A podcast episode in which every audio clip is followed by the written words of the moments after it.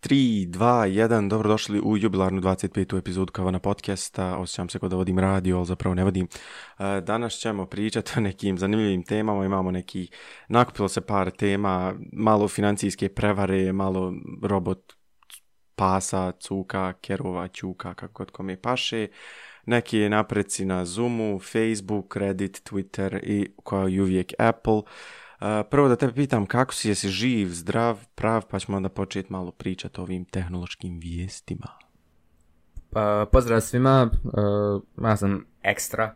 Uh, trenutno se ne javljamo iz vulkana, tako da je to onako, šta ja znam, neka dobra vijest da nekle. Uh, ništa, znači, govorimo danas o dosta nekih stvari, pogotovo o našim dragim velikim socijalnim mrežama poput Facebooka, Reta i Twittera. Također imamo jednu od najvećih DeFi hakova ikad napravljeni gdje je momak ili djevojka, uglavnom neko nepoznat je uzeo 600 miliona dolara. Sad ćete čuti uh, kakva je to u stvari priča malo kasnije, ali uh, danas počinjemo sa elekt... Šta su neki robot u vidu nekog kućnog ljubimca? Ovo ti je Xiaomi napravio jednog četvero nogog objekat neki ko nas gleda na YouTube, ko nas zapravo ne gleda na YouTube, može pogledat, ne znam uopšte kako će se zvat Xiaomi neki pas, bit će 100 komada, koštat će oko 1500 dolara i ovo je otprilike jedina konkurencija onom Boston Dynamics uh, psu. Ja mislim da ovo doslovno samo flex tehnologije i izgleda cool i zato sam ga stavio kao prvu vijest, inače ono, ne nešto puno. Ali dobro, realno, ako će samo tolično koštati, onda je to dosta, dosta jeftinije od onog Boston Dynamicsa. Boston Dynamics, ja mislim, oko 50.000 dolara na jeftiniji.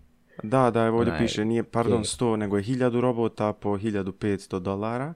Ali ja mislim da ovaj drastično manje... Um, ima mogućnost. Ma da, ali ovo će biti cool, ja volio vidjeti da ono ima neki snimak. Ovo će influenceri odakle ja volim, želim vidjeti kako neko voda kroz Central Park ili Venice Beach sa električnim psom i kako se drugi psi boji. To je meni bilo. Jer kad... Krene kaže lajat pod onaj volume 100%. pa vidio sam uh, na MKBHD. Stereo lajanje. On je nabavio sebi onog Boston Dynamics. Pravog. pravog Boston Dynamics. Uh, zašto me ne čudi? I on ti je njega nabavio iz u park. I on sad ima pravog psa. Ono, u kancelariji imaju tog električnog, cyber, kako tako već zovem, i odveli su ga u park. I sad djeci je ono zanimljivo, ali drugi psi su ono traumatizirani, gledaju kakav je objekat. Isto rumba, isto ono električni, uh, kako se zove, usivač. Tako da ovo je cool tehnologija. Ali šta je još nešto cool što se desilo, uh, jedna krađa od 600 miliona dolara. Dobro ste čuli. Kakav uh, segue. Neko nešto, neko biće, ne znamo ni koje ni šta je, uglavnom je haker je uspio, uspila, uspjelo, uspjela kako već ide te mijenjanje kroz lica, 600 miliona dolara od jedne divne strance koja se zove Polygon, ako se ne varam, a ne varam se, zapravo Poly Network. Uh, on im je ukru, aj rećemo on, lakše govoriti, ukradeno je 600 miliona dolara u raznim kriptovalutama i ovi dragi ljudi iz ove Poly Network uh, firme su na Twitteru napisali toj osobi citiram, Dear hacker, hacker, we are the Poly Network, uh, prestajem quote, on se obratili toj osobi javno kao ono, hej, bil ti nama mogu vratiti 600 miliona dolara. I sad... Evo ovo je meni. Izvini, možeš nastaviti ovaj slobodno jer da, jednostavno da uputimo ljude da je neko ukruo 600 miliona dolara preko par klikova ovo je meni najjača stvar u svemu, a to je da su se oni javili hakeru i da su ga zamoli da im vrati novac i također su mu rekli da ako ne vrati da, da je to jedan od najvećih hakova ikada, 600 miliona dolara. Mi smo prije ove epizode računali koliko bi to bilo uh, tona, uh, pošto je milion dolara, uh, smo ono rekli, to je ko jedne tone, tone kak smo jedna tona. Tone jest. Jedna tona, onda dođemo do toga da 600 miliona je koliko? 600 tona. I koliko je to kamiona pa, novca? Pa po mojoj slobodnoj procjeni negdje 150 do 170 šlepera bi trebalo da se ovo transportuje. E, A... zamislite sad da je neko uspio to uzeti kroz par sati. Znači, neko je pronašao grešku u poli networkovom kodu u vidu ja mislim kod transfera novca ili nešto, kod transfera tih e, kao valuta na blockchainu i on je uspio da pa ja mislim da ih opelješi, ja mislim da sve im je uzeo. 600 miliona, ne znam da su imali više. Uzeo im je 600, uzeo im je 600, ali rekao da bi mogla pljačka biti vrijedna milijardu, da je uzeo i one alt shitcoinove, kako je to nazvu. Pa da, ali eto, on je odlučio se da uzme ove malo coine. Ali ovo sad govorimo priču o tome da je neko stvarno vjeruje u Poly Network i da je neko uspio, da su oni uspjeli da izgradi povjerenje korisnika da preko njihove platforme što postoji takve svote novca da, se, da, da su moguće da se uzmu. Uh, što je meni ovdje jako začuđujuće, a to je da im se stvari haker javio. Mislim, vjerujem da je i on shvatio da nema od toga ništa, da je bio veoma optimističan ako je mislio da će se iskeširati u ovom slučaju. On su objavili cijeli jedan pofini uh, spreadsheet komunikacije između njega, uh, između white hackera i njih. U prvom su on njega zamolili da im kontaktira na Poly Network uh, mail, a onda su oni onaj, počeli da pričaju i došli su do toga da je haker odlučio da im vrati njihove njihov novac. Uh, mene sad zanima samo u kojem slučaju je ova osoba shvatila da nema više gdje da ide, jer uzeo je znači najveći heist ikada. Prije toga drugi najveći heist je bio koji ima veze za Cyberom je bio onaj sjevernokorejski kad su pokušali milijardu dolara uzeti iz Bangladeške banke pa su uspjeli 200 miliona uzeti. I ti 200 miliona na kraju je spalo na šta ja znam, stotinjak miliona dok su uspjeli to onaj, oprati kroz ona silna kasina, na priča kako je već išla. Uglavnom, jednostavno, onaj, nema tog nekog levela u kojem je ovo neko mogao da odradi da pretvori u fizički novac. Ja ne znam da, da ko ima toliku svotu novca da je uopšte isplati. Koliko bi to bilo proksija u pitanju i koliko bi izgubio, vjerojatno bi izgubio minimalno stotinu miliona dok bi potplaćao sve te proksije, ali dobro. Odlučio se na jednostavniji korak, to je da vrati sav te, kako kažemo, kojne i da ne bude gonjen uh, od strane, ne znam, nijakoje agencije po ovom pitanju. Uh, oni su došli do zaključka da kad im, on je počeo znači da im vraća novac, kao što ako ste na YouTube vidite ovaj spreadsheet, počelo je znači prvo im vrati malu količinu da vidi da li je to ta adresa i onda krene, znači ako on potvrdi onda ide refund 100, 1000 pa milion. Ili 6 centi, 30, 8 milion, 622 hiljade, 2 miliona i tako dalje i tako bliže i on je tako vratio negdje oko 600 miliona američkih dolara, u vrijednosti kojina od 600 miliona američkih dolara i oni su odlučili da na kraju sve balade ga ne procesuiraju, neko da mu daju security uh, nagradu, neku sigurnost, nagradu zato što im je probio sistem u vrijednosti od 500.000 dolara. Znači on je imao kod sebe 600 miliona dolara koje nije mogao iskeširati, a sada ima 500.000 dolara koje može iskeširati. Jeste to dosta, dosta, dosta manje novca, ali jed, on je uspio napraviti najveći DeFi hack ikada, znači ovo je, ovo je ono što govorimo o digitalnim financijama, ono što govorimo o blockchainu, da, da to je, svi mi govorimo, a to je sve sigurno vamo tamo, uh, znači mogu se desiti ovakvi problemi, ali uh, dobra je stvar, ako gledamo to za neke strane, da nije mogao iskeširati to, ali isto tako loša je stvar ta što smo ta, naučili da Bitcoin, da Ethereum, da svi ti kada kažemo coini digitalni nisu decentralizovani jer ako razmislite kako je decentralizovano ako može Binance ili, ili ne znam nija ko je već Coinbase. ko isplaćuje to Coinbase mogu blokirati taj račun da ne isplate taj novac kako je to onda decentralizovano znači nije decentralizovano Uh, to je bio neki mali hladni tuš, ali evo osoba je dobro prošla. Uh, ovi su smatrali da je to white hacking behavior, i po tom pitanju su vraćeni, ovdje piše da je vratio im oko 96 miliona daija na Ethereum chain.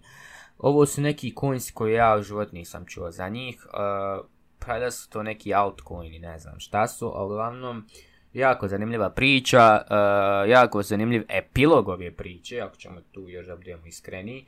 Zašto je zanimljiv epilog? Zato što da je bio neko, ne, neka druga organizacija koja su, ne znam, Black Hatovi, ja mislim da bi oni znali kako to da, da pretvori u, u te kamione uh, koje bi prevozile takve svote novca, ali ovo ipak, ne znam, ovo ipak bilo neki amaterski, ja mislim, potez sa strane, nije bilo promišljen potez, on je samo pokušao valjda da im kaže, ok, imate tu grešku, ako mi ne vjerujete, hop, uzet će vam neki 600 miliona dolara. I onda tek kad ih je udario gdje boli, onda su oni vidjeli, aha, ipak to znači tako je. Znaš kako, ja ovo vidim kao, to, dobro ste to rekao nekako laički, naivan napad, jer ovo nema, da, da se ovo na primjer uradila neka kriminalna grupa koja zna, ima historiju pranja para, čišćenja toga, oni bi se izvukli sa 600 miliona, pa makar izgubili 100, 200, opet je ovo najveća isplata. Ali ja mislim da se ovo desilo ovako. Čovjek im je upao u sistem, ukro sve, skonto, ko što smo mi, što smo ti ja pričali off, offline, kad je ukro i vidio da ne može se riješiti, da ne može likvidirati 600 miliona kriptovaluta, rekao je, hej, odo se, mogao bi ja popričati s ovim ljudima iz ovog Poly Networka, vratiti im sve pare i on će mene dat nagradu umjesto da me pošalju u zatvor, jer realno ovo je ista situacija da ja, da ja odim opljačkam zlataru, i imam poteškoće prodat e, Rolexe, zlatne lančiće i narkvice i onda meni kažu, kaže mi zlatar, e hvala što sam istestirao uh, ovaj security sistem i kamere, uh, evo tebi Rolex, ono kao, nećemo te poslati u zatvor, evo ti Rolex, hvala što sam nam probio network. Znači to da je neka bilo kakva druga situacija sa, sa realnijim valutama, mislim, nije, ne, nema šta realnije dolari, euri, da je opljačkana banka Zlatara bilo šta, ovo nema šanse da bi se desilo, ali do duše u tim situacijama se zna kako se pljačka, a ovdje ova osoba uh, faktički potpuno anonimna, osim ako je neko baš ne uspije naći. Koliko sam ja ono, pročitao za njihovog onog Twitter feeda da su uspjeli naći IP adresu osobe koja je odgovorna za ovo, sad je pitanje da li bi jedna uh, kredibilna organizacija tipa FBI ili, ili šta ja znam Interpol bili zainteresovani za traženje ove osobe zato što ovaj finance attack jeste ekonomičan, je, mislim ekonomskog karaktera, ali ne znam da li uopšte postoji zakon o, o tome zato što je ovo bukvalno samo nula jedinice kojima je neko dao vrijednost.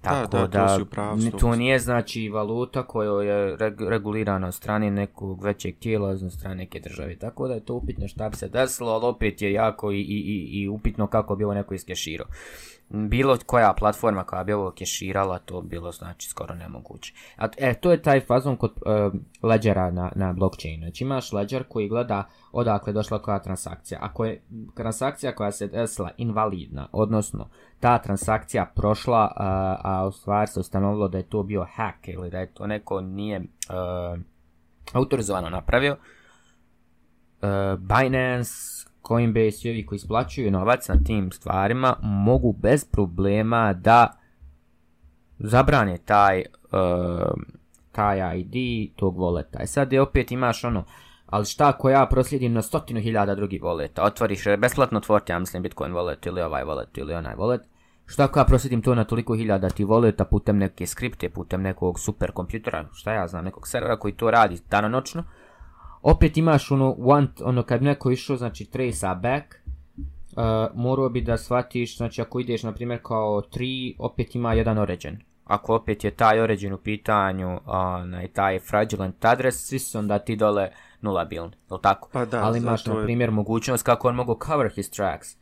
Te je rekao, na primjer, evo im sa path 1, path 2, path 3, otvori desetak hiljada različitih uh, računa u sekvenci i ti 10.000 različitih računa u sekvenci krene da i miješa i ti 10.000 računa otvori još 10.000 računa, još 10.000 računa, 10.000 računa.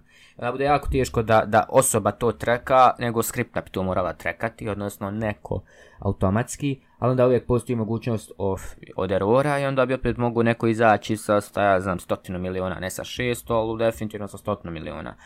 Tako da je to vidiš onako zanimljivo, onaj, ali je to dosta, dosta više posla nego ovako jednostavnije vrat sav novac, dobiti praise uh, i čudi me da nije htio da otkrije svoje ime nakon što su rekli da ga neće uh, precizirati, jer ovo je jako neka inteligentna osoba i bila bi praised in uh, hackers community i to je nešto što me čudi da haker takav nije želio da bude ekspozan, odnosno da imate neki praise od strane community, ali to opet ono, možda je to i zbog onoga što, što se naprimjer desilo onom uh, momku što je zaustavio Vanokraj, došlo na, na da uh, kao zvijezda u, u na DEFCON, to je na hakerska konferencija i vrat i ostao zadržan na strane FBI-a zbog nekog malvera koji je napisao prije Boga pita koliko godina.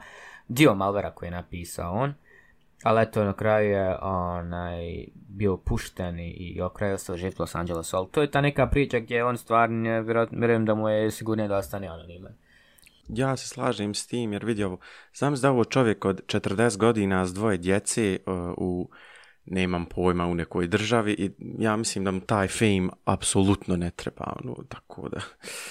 A možda je momak koji ima 18 godina, 17, 15, 16, što znaš, ne znaš uopšte ko ima ovakav... A zato je bolje da ne znamo, jer, jer ima ljudi fakat koji nekad je... Či... Da, može biti. Pa definitivno i to što kažeš, može neko reći, ok, aha, to je znao raditi i sad ga bukvalno zaprijete mu životom ako nešto ne uradi, nešto slično prema drugoj organizaciji, ovaj put ovi već imaju plan kako to riješiti. Tako da, znaš, uvijek je to maj sad dvije, tri ošice. Ali evo da se više ne zadržavamo na jednoj priči, ovo je jako zanimljivo bilo, DeFi, ono, standardno kod nas u priči, blockchain i bla bla bla, ali imamo ovdje i nešto što se zove novi feature od strane našeg dragog Zuma. I dobro, mi iskreno nije mi. Onaj, ali šta nam kaže Zoom? Uh, Zoom je uveo, mislim ovo je kratka priča, ali je zanimljiva, zove se Focus Mode. Ljudi su tražili, vjerovatno studenti nakon dugo vremena, da se uvede opcija gdje kad oni upale kamere da ih samo host vidi, tačnije njihov profesor, zbog raznih neugodnosti, anksioznosti, ne znam već, već više koji razlog, ali ih fakat razumijem, jer ja iskreno mrzim palat kameru na, na predavanjima i u školi, to, to mi je neugodnost, jednostavno e, imam osjećaj da ne doprinosi nečemu, ali eto, ako profesor baš inzistira, bolje da samo on vidi nego da mislim koliko te drugih ljudi gleda zbog tog osjećaja, jednostavno neugodnosti koju... I završiš na TikToku. Ja, i, i to, realno, dopuštenja, privatnost, bla, bla, bla. Bolje ako je baš imperativ da me mora gledat, vidjet profesor da ja tamo e, ne pravim kolač dok traji predavanje, meni je okej, okay, eto, gledaj me samo ti. Još, ali ovo, ima još plus to da je u pitanju, znači da bu super ekstra za maloljetna lica, gdje oni isto, znači, pogotovo djeca oko 13-14 godina, te kad ulaze taj neki stav gdje, gdje, gdje osjećaju self-conscious o, o, o svom postojanju, o tome kako izgledaju. I onda sam sad moraš za, za Zoom klase spremat kad ješ u školu. Ma, nama više tačno. ono, znači nije nama toliko svejedno, ali nam je ono, ok, šta bude, bude, ali tek kad imaš, kao što ti rekao, različite neke anksioznosti koje se javljaju, dolazi do tog problema. Ali evo, Zoom je pokušao da to riješi. Kako su oni to uradili? Pa eto, napravili su neki feature gdje te vidi samo osoba koja je host i kao tu je, ima onaj, zanimljiva je stvar u tome da li će to uskoro izaći na Teamsu, da li će to uskoro izaći na, na Google Meetsu, jer on se sve međusobno kopiraju. Ma da, evo čekujem. Zoom uvede background, pa da. Mjesec Zoom uvede dana, background. Max. Ma, Teams uvede background. Dobro, možda će i prije, nije to baš toliko njima teško, sam kažu, ok, to je taj, onaj, nemaju sad svi pristup tvoj osobi, tom feed, nego ima samo jedno aspekt. To je samo neki permission change, ali eto, očigledno je dovoljno da zaradi Verge uh, title. Shit, lupio Šta je još zaradilo uh, title da Facebook uvodi uh, dating audio chatove, realno više ne znam ni ja šta. Znači, Facebook je to sad uveo... Čekaj, audio chat, je li to stvar poziv ili je to konešto Clubhouse za dating? ja mislim da su ovo neki pozivi, jer valjda Facebook ima svoj date, Facebook dating, Facebook ima Facebook dating, koji, taj njihov servis koji će uvest uh, razgovore u, u, u, u taj sistem chatova, jer ja pretpostavljam da je to odvojeno nešto od Messengera. Ali znači Facebook je to sad integrisao u sebe Snapchat kroz stories, integrisao je grupe, stranice, evo Tinder integriše, znači je, integrisao je podcaste. Bumble, Hinge Znači, integrisuje više svaka, kogod napravi, ti ja da sad napravimo bilo šta, ako je dovoljno dobro, bit će u Facebooku za godinu dana. Znači, tako da, ako neko želi, pa ovo je pretpostavljam trenutno samo u beti ili u nekoj alfi, nema pojma, zato što je Amerika... Ako znaš šta je Facebook dating, nek, na, ne digne dva prsta, ja znao sam da postoji, ali nisam mislio sam da je to discontinued, ali očigledno nije. Uh, jel to sad u fazonu kad ti se prijaš sa svojim Facebook profilom i uh, Facebook ti nađe date kao Tinder way ili, mislim Tinder še nije baš toliko ni dating, ali uh, ili šta je to, neki fazon nečega?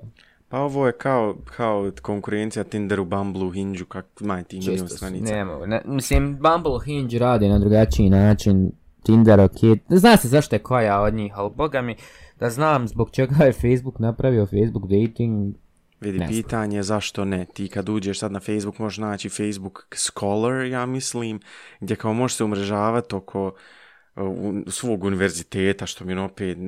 Znači, Facebook... To stvari prva stvar zbog koje je Facebook nastao. Pa Facebook je nastao kao osnova je bilo ono... Uh, pa da se umreže ljudi sa univerziteta.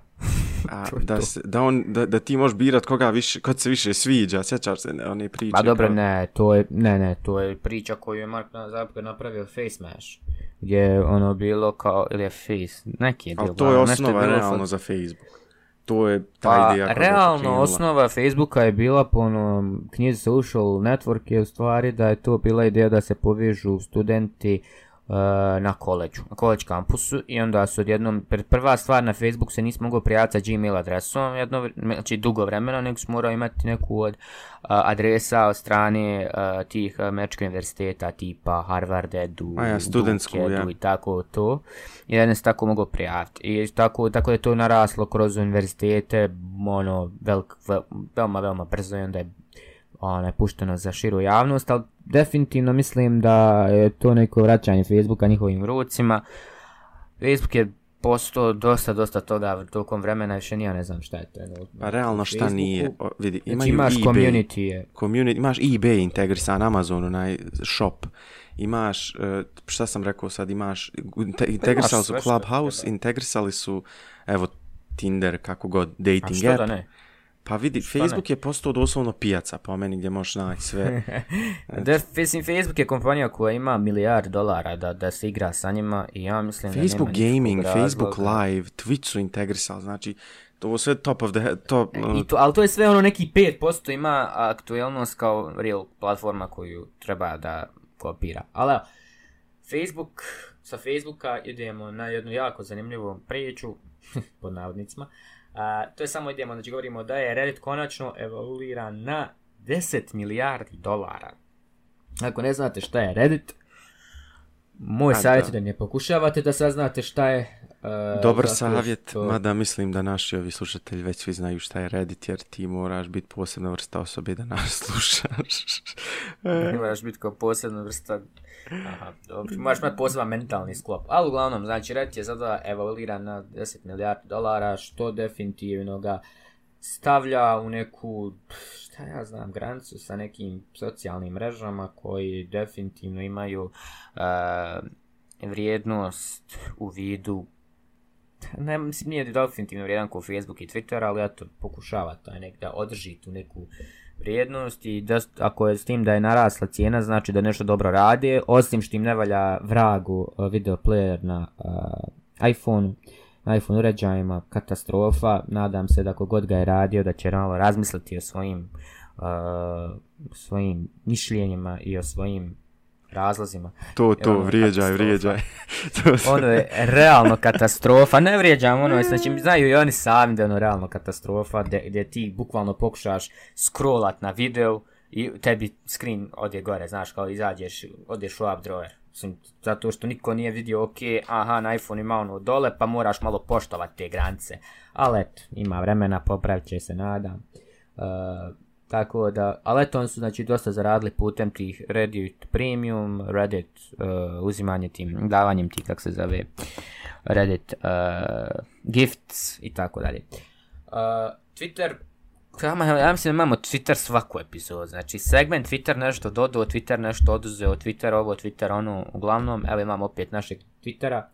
E, Twitter je doveo u pitanje novi dizajn, uh, u vidu je novi font na Twitteru, takozvani Chirp. Uh, Chirp je u stvari novi dizajn, font koji je stvoren strane, koliko znam, American nekog fonta i Gothic, European fonta u takvom nekom sistemu, napravljen samo za Twitter. E, i definitivno izgleda dosta bolje i promijenili sve to te neke boje, sada je dosta dominantnija crna na, na ikoncama prije nego prije i imate da je dosta, dosta napravljen taj neki sistem u vidu, e, na primjer ako želite followat nekog, sada je following da je crna boja, vamo je kao bijela boja, kao ako nije followano i tako imate neki dosta zanimljivi stvari koje treba e, pogledati.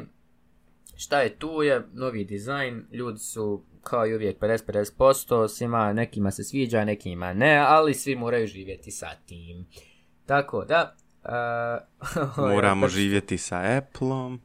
Da, sa Appleom, App Storeom, jer nemaš neke druge opcije. Uh, ništa, znači ovo je opet neka priča o tome kako App Store App Store je uh, svačen da je to u stvari monopolistik monopolistik znači produkt, da je to znači monopolno produkt koji pravi guardianship na, na iOS uređajima i senatorima ili kome već se to ne sviđa i pokušat će da pesaju bill. Uh, ne sam baš optimističan po pitanju ovoga bila, zato što monopo, monopolistički behavior se jednostavno ne kosi sa lobističkim, tako da Apple ima dovoljno novca da se bori protiv ovog bila i da lobira se u ovom slučaju.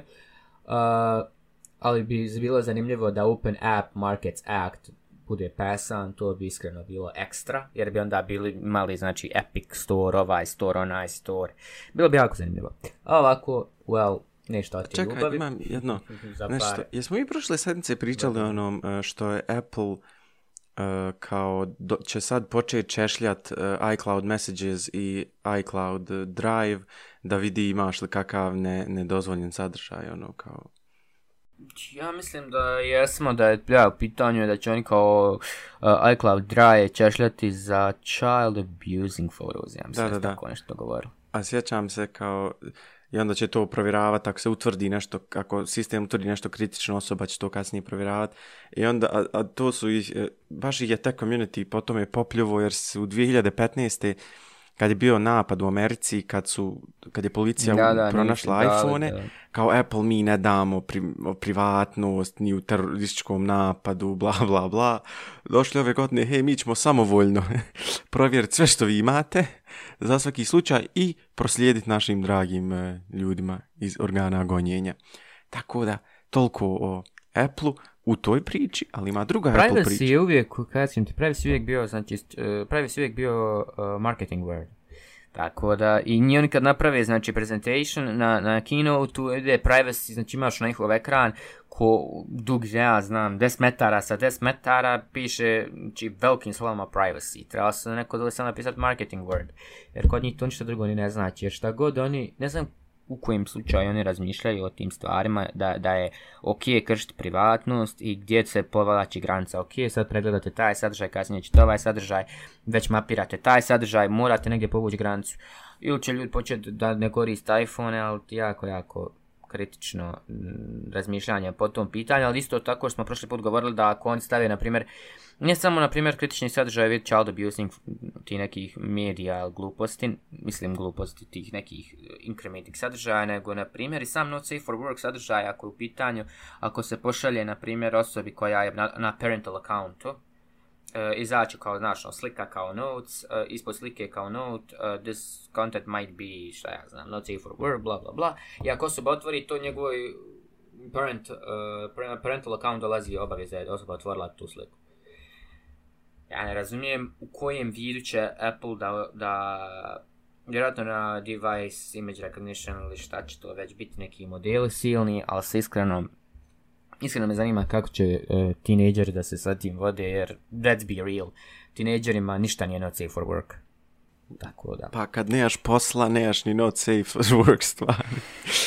to što kažeš. Uh, opet se, znači, mislimo oko Apple-a, opet pričamo o Apple-u i Apple u stvari govori o tome kako je uh, da ovo tužbu sa Corelliumom, Corellium je nešto za, kao developer platforma za uh, to virtualni iPhone uređaje i to je kršilo kao DMCA od strane uh, po Apple to je kršilo njihov znači Privacy Act uh, nećemo znati je li nije 16. augusta je trebalo početi suđenje oni su se dogovorili da ne bude suđenja tako da vjerujem da Corellium će nastaviti da postoji uh, I još imamo a, šta je ovo, Galaxy S, to ti mogao pričati jer ti dosta više koristiš sada Android telefone nego ja, ali mogu da kažem da iPhone ne vjerujem da će ikad imati ovako neki fazon da ga sklopiš na pola, jer to nije Apple way.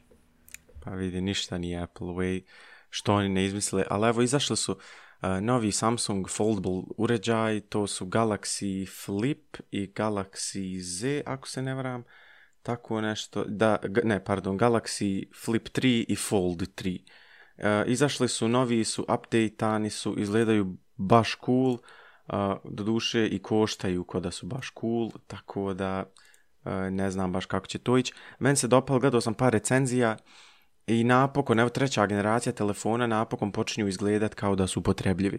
Jer prošle generacije, ili tačnije prve generacije foldable telefona bile slabe, ono, baš, baš slabe. I sad napokon dolaze telefoni koji postaju upotrebljivi. Realno, da možeš nekom reći, ono, ej, gledam, mogu kupiti iPhone 12 Ultra Buba, mogu kupiti Flip, da ovo postane objektivno konkurencija uh, S21 uređajima, ne znam više koji još, ajmo rećemo, rećemo Apple-ovim iPhone-ima, gdje su sad postali toliko dobri, gdje ti sad možeš uzeti ako kupiš ovaj Z Fold 3, on se odmota, ono, rasklopi u 7,3 inča display, koliko sam ja shvatio, što je realno ogromno. I ti u džepu nosiš sklopivi tablet, što je nezamislivo, ono, do, do neki dan, realno i sad samo par kompanija to može izvest. I redi da se ovo malo, uh, da, da se promoviše malo da ne bude ono samo kao gimmick, napreduju, nije idealno, ali pretpostavljam da za neke dvije godine dok se još doradi, dok, dok se usavrše ovi uređaji, da će tablet, telefoni koji su sklopivi biti vrlo prisutna stvar. Ne znam kakve su to reakcije, ja sebe ne vidim iskreno kao korisnika jednog, ali možda jedne godine, nikad se ne zna. Moja reakcija je na ovo da Samsung ima mogućnost da ovo istražuje dalje, uh, ali definitivno mi ne treba ovakav uređaj za sad, jer ako želim tablet uzet ću iPad ili nešto tako, a ako želim telefon uzet ću telefon i ako mi treba, na primjer, iPad je sada dosta ide na to da ima neki uh, sistem u fazonu kao uh, kada kažemo hibrid među macOS-a i iPadOS-a da imaš sad mogućnosti neki stvari, ali od svih njih definitivno ja mislim da je za ovakve, za ovakav nešto što bi kad bi trebalo ja bi uvijek uzeo Surface Book. Jes da nije Mac, jes da nije ništa, ali, ali vidi, Surface Book je Surface to. Book je veći neuporedivo. Pa jeste on veći uporedivo, ali je ono što bi ja koristio, jer ovo je, znači imaš telefon puta telefon, ili tako, puta dva. Pa ne vidi, ovo je telefon, telefon koji se sklopi. Jedan se preklopi ali... kao ni stari, a drugi se smota kao obični telefon. Ja vidiš, znaš što je fazon, to je, to, to je teže dosta za nositi, jer kao jedan telefon, to je onda teže i za koristiti kao jedan telefon. Ne znaš da imaš dva telefona u ruci, a koristiš samo jedan. E onda ga jednom kao možeš sklop da koristiš. Mislim, meni, pravo si to... Ovo, ovo, ovo, fakat nije za svakog, ovo moraš biti posebna osoba. Ovo, baš tako, ovo je neko, ono ga sklopiš ga ko splagavac, pa pazi, ono ide jednom, dva put, tri put, ovo neko polomio začas. Ali ovo je jako zanimljivo da su stavili neke displeje svugdje na pozadini, vamo, tamo neke slike, šta je ovo, ne, ne znam ja. Pa da, ovaj su... mali što, se, što je flip, se sklopi i bude kao pola telefona i on ima mali display iza kao da ga možeš kao da ga možeš koristiti kao viewfinder za sliku, da se može slikati. Evo bilo dobro, evo mi se sviđa, na primjer, ako je jedan i on ga samo spojiš, ali ako su dva, onako, to je jako, jako... Pa vidi, uh, flip, ovaj mali, on se samo, on se vertikalno Ovo je otvara. Okay. Taj flip, kao flip phone, ja mislim da taj, ok, taj možda i koristio, ali ovaj veliki, to je meni previše u ruci bi bilo korištenje realno veliko je, teško je, tako da... Baš tako. Eto, ljudi, došli smo do kraja još jedne epizode Kahvana podcasta. Nadam se da ste uživali ovaj put. Pričali smo o nekim stvarima koje ne čujete često, a to je da je neko uzeo 600 miliona dolara i da ih je vratio. Čestitke. To više nećete nikad čut, znači to... da će ih vratiti. Možda ćete čuti da je uzeo, ali da ih je vratio, jako teško. Uh, jer će do tada vratno neko shvati, aha, ako sam već toliko shvatio da toliko može uzeti, vjerojatno će skontat način kako da to kažemo iskešira donekle i možda neće biti 170 uh, kamiona, možda će biti 100 kamiona, ali nonetheless veoma, veoma uh, zanimljivo i vidjet ćemo da li će to stvari biti jedan čovjek koji je onako slučajno to uradio donekle ili će biti neka organizacija hakera koji imaju mnogo više znanja i mnogo više mogućnosti. A kad, sad, sad kad znaju da je to već moguće probiti. Ali eto, zanimljive jako priče, rekli smo da je to znači o nekim cyborzima, nekim malim robotima koji ćemo imati kod cuke, nije to ni velika cijena, 1500 dolara na osnovu 50.000 dolara koliko je sa, sa Boston Dynamica. Uh, govorili smo o Zoomu i novim featurima Zooma, Facebook dating, koristi, neko ne koristi, ne znamo to još, Twitter, Twitter kao i uvijek naš segment i Apple kao segment često je neizastojni zato što jednostavno imamo taj neki, kažemo, connection sa tim. E, to bi bilo to. Nadam se još jednom da ste uživali. Još jednom da napomenem da ovo strogo naše neprofesionalno mišljenje, uvijek kao disclaimer, i da uh, ono što vidite na ili čujete od nas, uzimate znači kao samo neku informaciju, a ne baš kao nešto, kao neki savjet. Hvala vam što ste nas slušali i Edo kao i uvijek imaš privilege da odjaviš ako ste vi slučajno ova osoba koja ste ukrali ovi 600 milijuna, posudili ovi 600 milijuna dolara, javite nam se ovaj, da popričamo malo da vidimo kako je to išlo. Naravno, e, šalimo se. E, hvala što ste došli do kraja 25. epizode i slušamo se drugi put. Bye bye. Peace out.